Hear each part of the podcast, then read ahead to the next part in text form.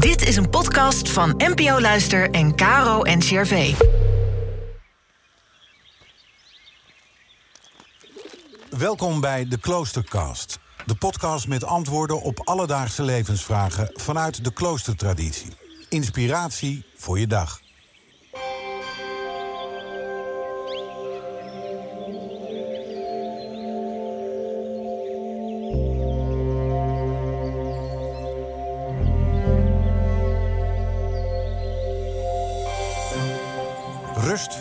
Als je je gestrest voelt. Hoe doe je dat? Maria van Mierlo, die al twintig jaar volgens de regel van Benedictus leeft, deelt haar gedachten hierover.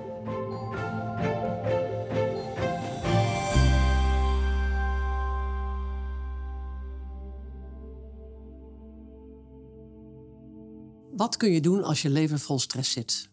Daar kun je heel veel antwoorden op bedenken. En die zullen vaak gaan over dat je moet zorgen dat je het rustiger maakt. In de regel voor monniken, het boek dat de heilige Benedictus schreef voor zijn leerlingen, om ze te vertellen hoe een goed monnikenleven eruit ziet, komt het woord stress natuurlijk niet voor. Het boek werd geschreven rond 500 na Christus. Toen moest stress nog uitgevonden worden. Wel gaat het over stilte en matigheid. Eenvoud, over alleen het nodige doen. Niet meer en niet minder. Dat is waar het in onze tijd vaak misgaat. We krijgen heel veel prikkels, de hele dag door.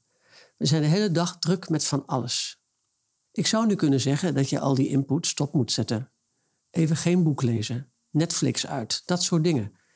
En weet je, dat is allemaal waar.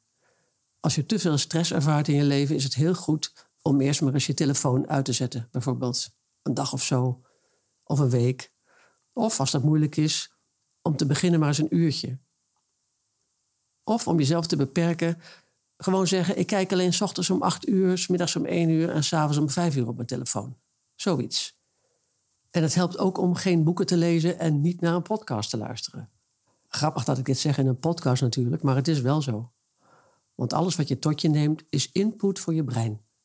En je ervaart stress, dus het brein heeft rust nodig. Dat vraagt dan het rustig maken. Maar voor mijn gevoel is dat maar één kant van het verhaal. Aan de andere kant is kijken naar de diepere oorzaak van stress, van overbelasting, van jezelf steeds maar laten overvragen. Want je bent er natuurlijk zelf bij, je laat het gebeuren. Maar hoe kan dat eigenlijk? Hoe kan het dat je jezelf zo laat afleiden van die rustige plek in jezelf waar je veel vaker zou willen zijn? Misschien voel je die plek niet eens meer. Of misschien ben je zelfs vergeten dat jij dat ook kunt, rustig zijn. Je beweegt je dan door het leven als een schip zonder thuishaven, dat maar blijft ronddobberen op de zee. Het legt dan eens hier aan en dan eens daar. Maar ergens moet een thuishaven zijn, een plek om definitief voor anker te gaan in vertrouwde bodem. En zo is het ook met een mens. Er moet een plek zijn waar je thuis bent. En dat gaat dan niet over je huis van steen, dat gaat over het huis van je hart. Waar is jouw hart thuis? In deze podcast over kloosterlijke spiritualiteit durf ik wel te zeggen dat dat thuis verbonden is met God.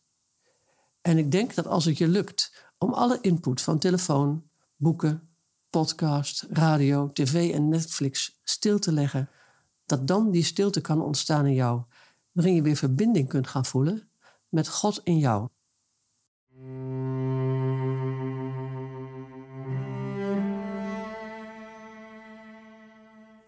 Als je hier echt werk van zou willen maken, van wegbewegen van de stress, maak het dan eerst stil. Daarvoor kun je de formule gebruiken van André Louf.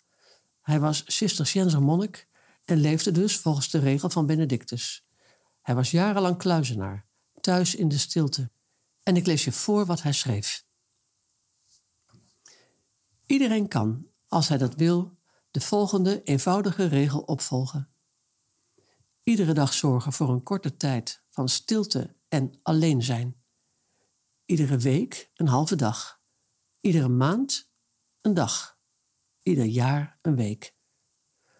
Die rendezvous met de eenzaamheid moet je goed plannen. Duidelijk op voorhand inschrijven in je agenda en je moet proberen je eraan te houden. Allen die zich toeleggen op deze kleine levensregel zullen er geleidelijk aan de buitengewone vruchtbaarheid van ontdekken. Nou, dit is misschien iets om nog eens een paar keer af te luisteren, want in één keer gaat het misschien wat snel. Maar als je dit doet en gewoon begint met 10 minuten per dag stil zijn, dan zul je zien dat het werkt. Ook zonder dat je begrijpt hoe het werkt. In de stilte kan ruimte ontstaan in jou. En dat is de ruimte waarin God wil wonen. En waar God is, is geen stress. Daar is de rust die alleen Hij geven kan. En daar bid ik. Geliefde God, zonder bagage, zonder woorden, maar met een liedje in mijn hart, kom ik u tegemoet. Help mij stilstaan. Behoed mij voor het vele.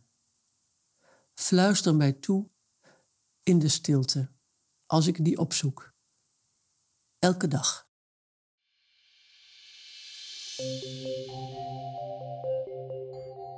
Morgen heeft zuster Monica Razen het over jaloezie in het klooster.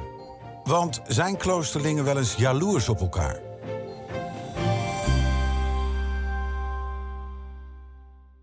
Dit was een podcast van NPO Radio 5 en KRO NCRV.